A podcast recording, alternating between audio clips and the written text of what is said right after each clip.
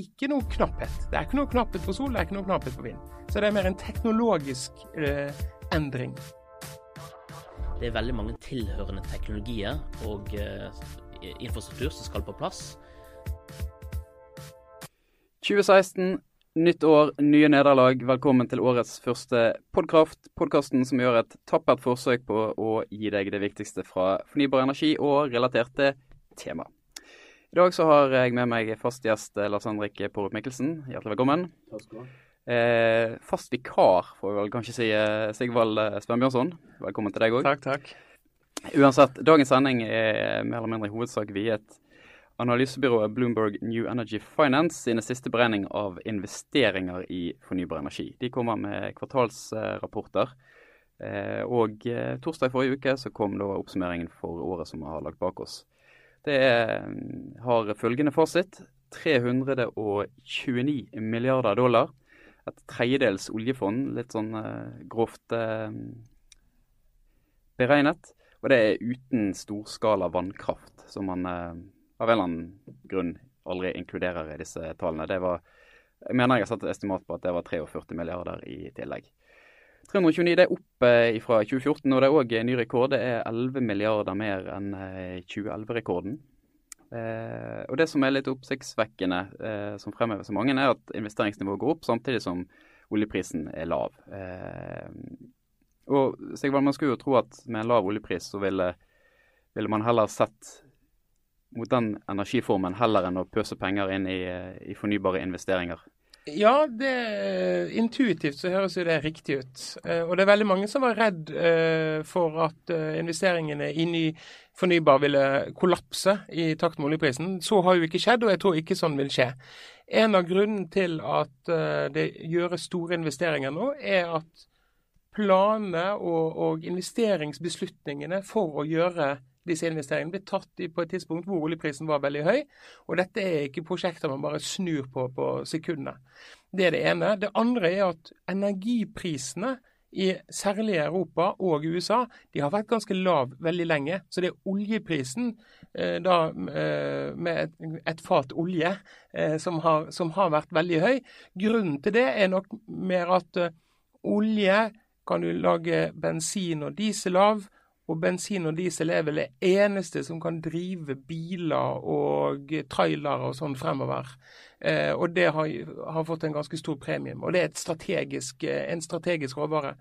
Eh, men, men man, ser jo, eh, man, ser jo, da at eh, innenfor, eh, innenfor strømgenerasjon og, og sånn, så så, så er, dette så er fornybar blir faset inn i mye større grad. Og jeg tror ikke dette vil stoppe opp. Det kan godt være at du får det sånn hiccup, for det tallene her er jo ikke spesielt høye når vi ser på de totale energiinvesteringene som gjøres i verden. Hva er dine reaksjoner, Lars Henrik? Nei, Det er jo at uh, dette går jo rikt, riktig vei. Og det var jo veldig lenge spørsmål om, uh, når du fikk en lav oljepris, om òg det ville gi utslag på investeringene i fornybar energi og, og uh, cleantech. Men det har det altså ikke gjort. Og jeg tror forklaringen på det er at for det første så er ikke olje i en konkurransesituasjon med fornybar energi. Og for det andre så er det òg at uh, det er andre aktører som investerer i dag i det fossile uh, enn i, fornybar.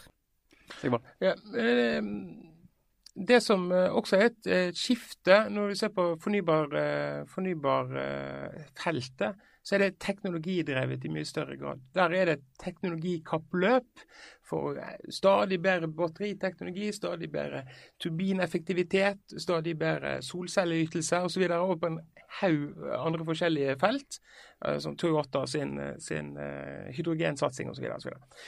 Men eh, det som er interessant for oss på Vestlandet, er at vi på Vestlandet og vi i Norge har hele tiden sett på oss som en energinasjon. Energi som har, som har eh, fått oss fram i velstand, og det er det som skal redde oss videre.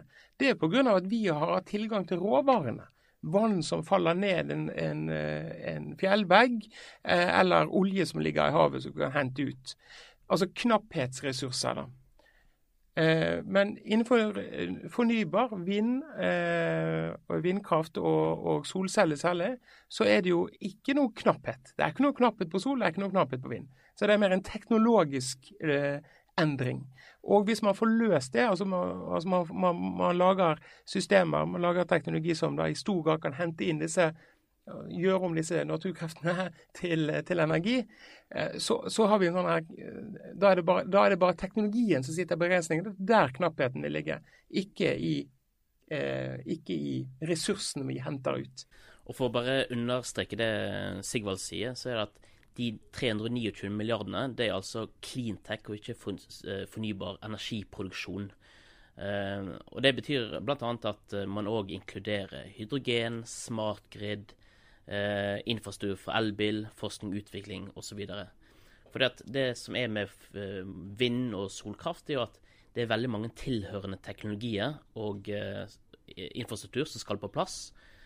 Eh, som Marius Holm i, i Zero hadde en, en, teori om at eh, eh oljeinvestorer så at det var, nå var det prosjektstopp, ergo så flytter man pengene. Men sånn jeg, jeg tolker det, begge dere to, så, så sier dere egentlig at det er andre aktører som Altså det, det er to litt adskilte markeder i utgangspunktet? Ja, det det. Er det fordi um, oljeinvestorene eh, er jo ikke en sånn eh, eh, homogen gruppe. Eh, eh, mans, eh, de som, som, er inne i fornybarinvesteringer, clean tech, sant? det ligger mer på teknologi.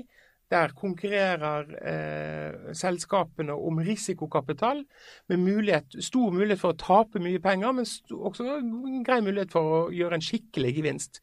Og så har du infrastrukturinvesteringer, som er mer samfunnsmessige, gjerne med et stort grad av subsidier, men som da blir, eh, og derfor politisk eh, styrt.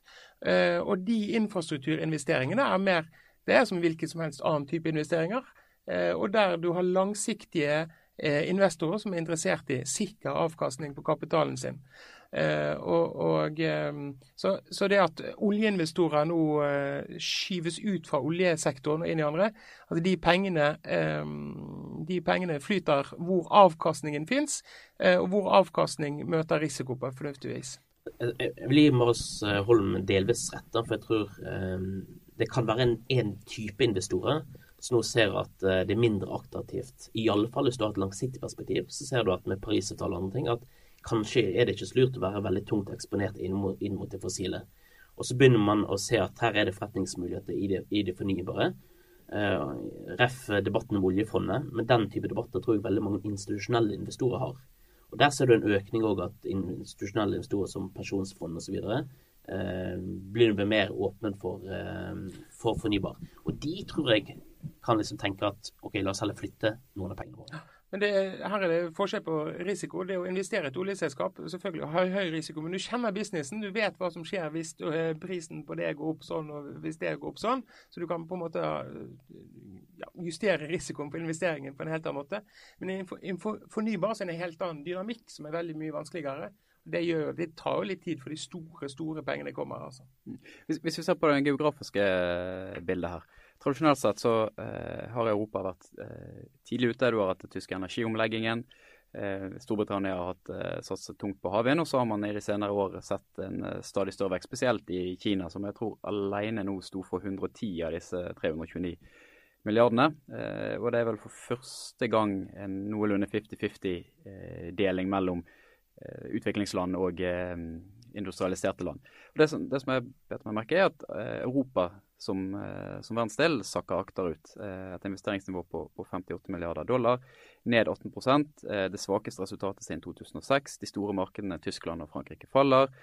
Det som til dels redder det i 2015, er Storbritannia, men der man Det er vel mange signaler som tyder på at det kommer til å, å bli investeringskutt som følge av omlegging av subsidiesystemet og, og øvrige si, offentlige vedtak. Hva, er dette grunn til bekymring? at Hvis man tenker, ser, på, ser på nordmenn som europeere, det er jo ikke altfor ofte man gjør det, men eh, er det, er det bekymringsfullt, eller er det, et fakt, eller er det et resultat av at Europa har kommet så langt allerede, og at det er de andre som måtte, jobber for å komme seg opp på samme nivå?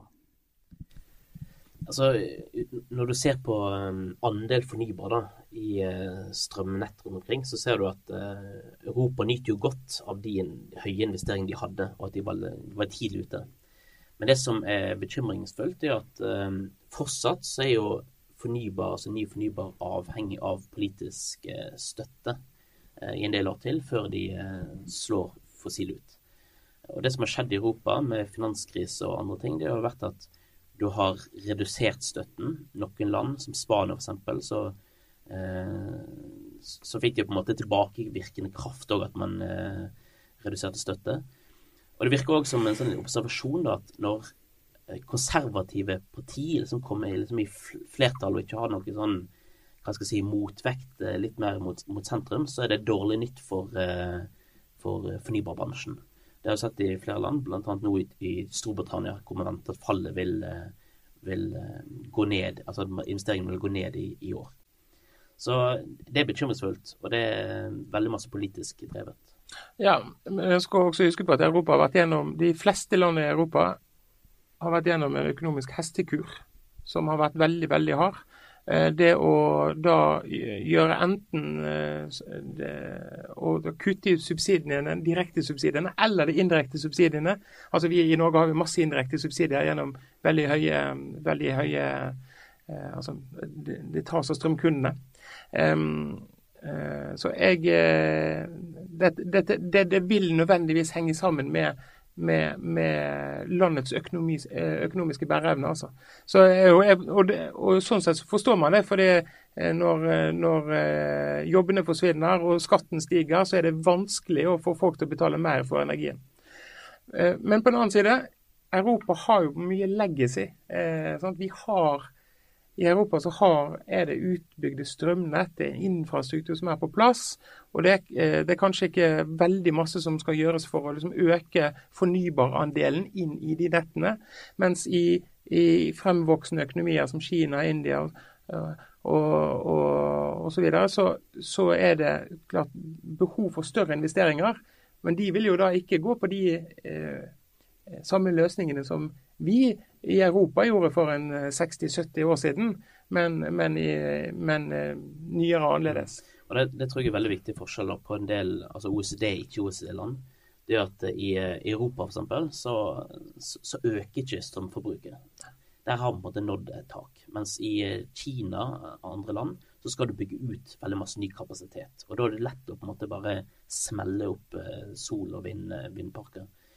Og så er det en forskjell på USA, hvorfor de nå eh, øker. Det er jo fordi at de har hatt gunstige eller gode støtteordninger. Eh, men òg i USA, hvis du ser eh, på installert kapasitet de siste årene, så ser du òg at det har gått opp og ned. Og det har på en måte vært avhengig av støtteregimet som på en måte har variert òg. Det som skjedde i fjor, som vil være viktig for USA, og på en måte grunn til optimisme framover, det er jo at man nå ga en forutsigbarhet, fem års forutsigbarhet med nye støtteordninger for, eh, eller skatteinsentiv for sol og vind. Der, det har du ikke i eh, Europa, og det gjør at man eh, sakte akterut. Og I tillegg så har du òg bunnplanken i klimapolitikken i Europa, som er kvotesystemet. Så har du òg et veldig lav kvotepris, som gjør at det heller ikke genererer altså det, har, det gir ikke store nok utslag til at du får fase ut kull. Eh, hvor er Norge oppi dette bildet her? Ja, jeg, jeg, kjenner ikke tallene, men uh, vi har jo uh, en av, en av uh, virkemidlene som har blitt brukt, er jo grønne sertifikater. En ordning som jeg mener er ganske dårlig, fordi, fordi den um, altså ikke Prinsippet er for så vidt bra, men det er veldig uoversiktlig. på en måte. Og så kommer det på bekostning av, kommer det på bekostning av vannkraftindustrien som har veldig store utfordringer. Både med tanke på eh, store nettinvesteringer eh, og ekstremt lave priser på råvarene sine. Så de der er det, det, det, er bare tull å investere i, eh, sett fra et økonomisk ståsted nå, i, i, i vannkraft. Og det er litt synd. Og så var jo det systemet innretta så dårlig og dumt at pengene som jeg som strømkunde betalte inn, um, i stor grad gikk til Sverige. Fordi at i Norge så forsto man jo ikke hvordan, uh, hvordan, disse skattereglene slo ut på investeringssiden. Nå har man gjort en del med dette her. Eh, men, men, dette vil for mange investorer som gikk inn i dette markedet for å satse på småkraft f.eks. og hente inn ekstra inntekter for sertifikatmarkedet, så, så var dette et stort tabbe um, å gå inn på. Jeg tror nok ikke grønne sertifikat kommer til å bli videreført etter 2020. Det virker ikke som at det er så veldig mange som er for den. Men det som vi òg har diskutert i dette studiet før, det er jo at det som er utfordring for Norge, det er jo òg at vi har en eh, hva skal jeg si, en kraftsituasjon her som gjør at vi er, har, rike, har, rikelig med vannkraft.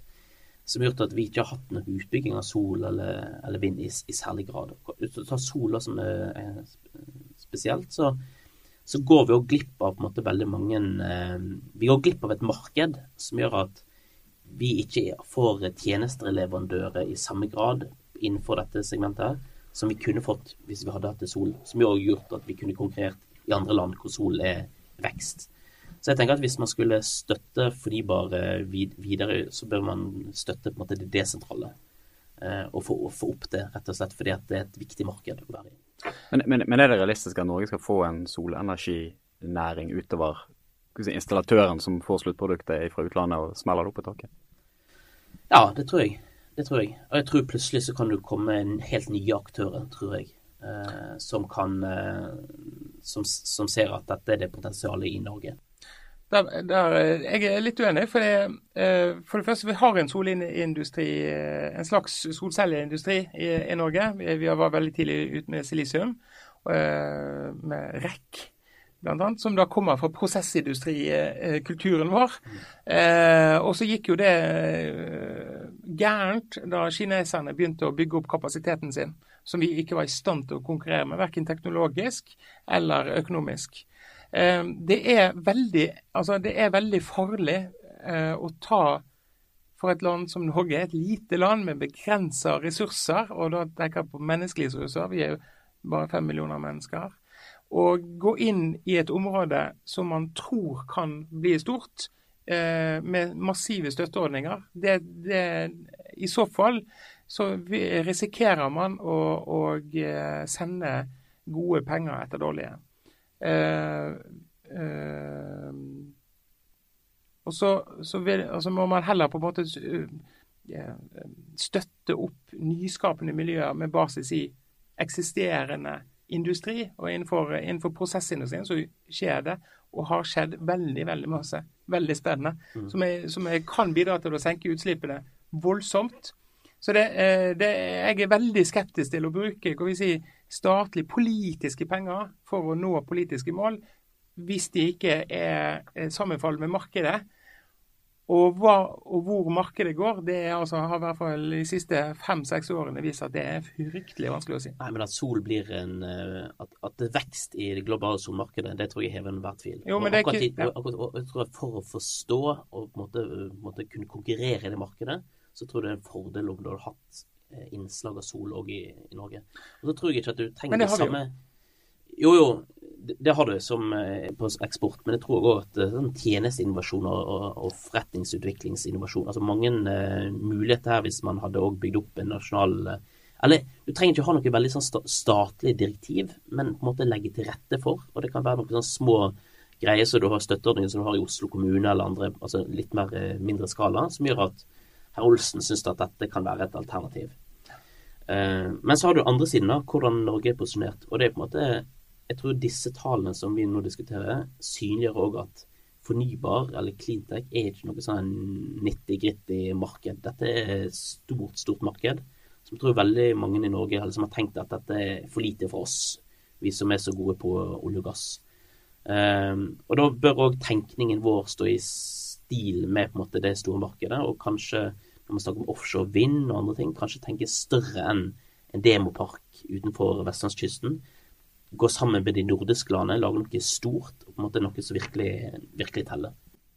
Det, det, har jeg faktisk aldri skjønt med den demoparken. Og det, det er utelukkende pga. min egen uvitenhet, går ut ifra. Men kunne man ikke kjøpt fire vindturbiner eller et eller annet, altså gått sammen med de nordiske landene og kjøpt seg inn i en vindpark og sagt at dette skal vi bruke til å teste på, istedenfor å bygge hele greien på nytt utenfor Vestlandet?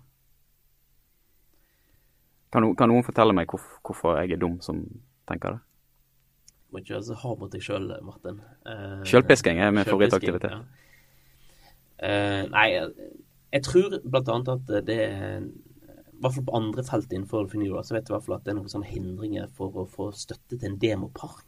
Så jeg tror ikke det er fritt fram. Ja, det er noe, jeg, jeg vet Enova kan ikke utlandet. støtte prosjektet i utlandet. Da er det noe ah. ESA um, Sånt blir det bråk og rot og tull av. men, men, for, men, det du kunne, men det du kunne gjort, da for det, det, finnes jo noe eksempel eh, Altså, vi er jo flinke til å legge rør. sant? Vi har jo rør eh, i Nordsjøen. Og Man kunne jo tenkt seg at man går sammen med det nordiske eh, landet og bygger opp noen store offshore vind... Nei, sånn eh, flytende vindpark eller et eller annet.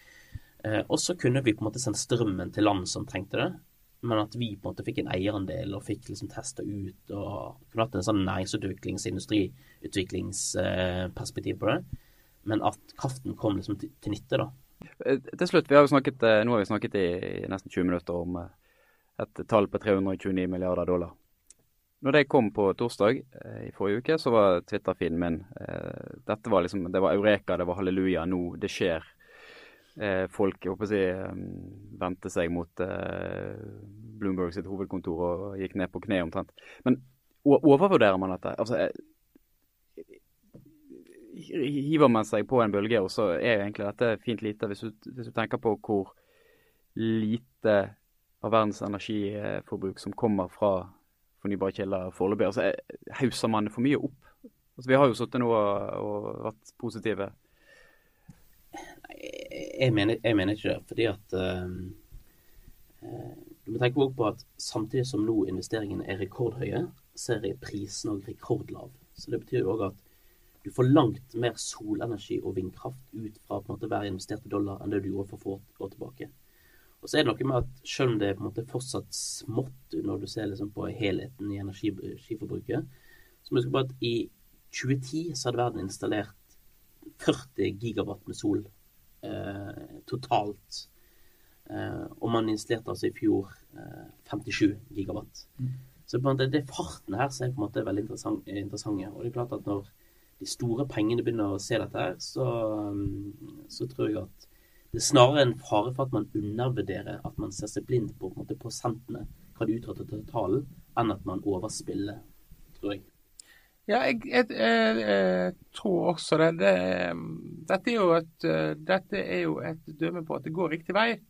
Og så er det også et dømme på at, at investeringstakten her på en måte frikobla fra det som skjer i, i det fossile markedet, altså i oljemarkedet. Det skal jo sies at kull og altså energi har jo falt betydelig i pris de siste mm. årene.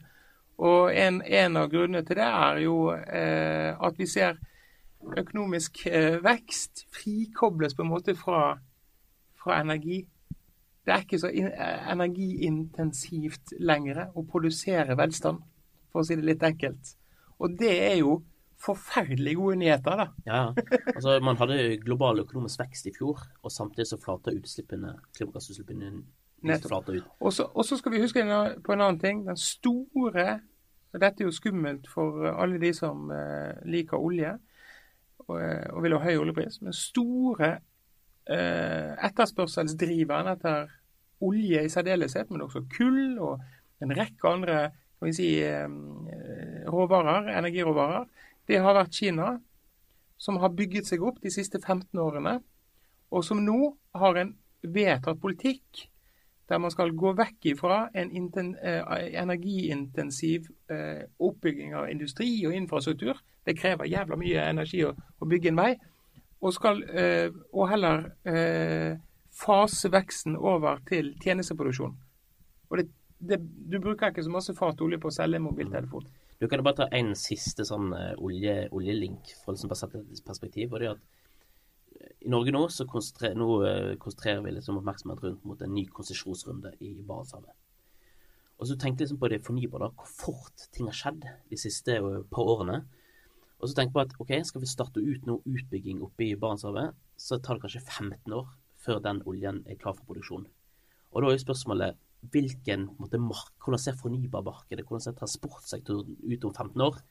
Det er på en måte det man skal Ja, sant? Og det er det, det, det spørsmålet egentlig vi må stilles i Norge. Ikke hvordan forbruket er i dag, men hvordan det vil være i 15 år med den teknologiutviklingen man ser i dag.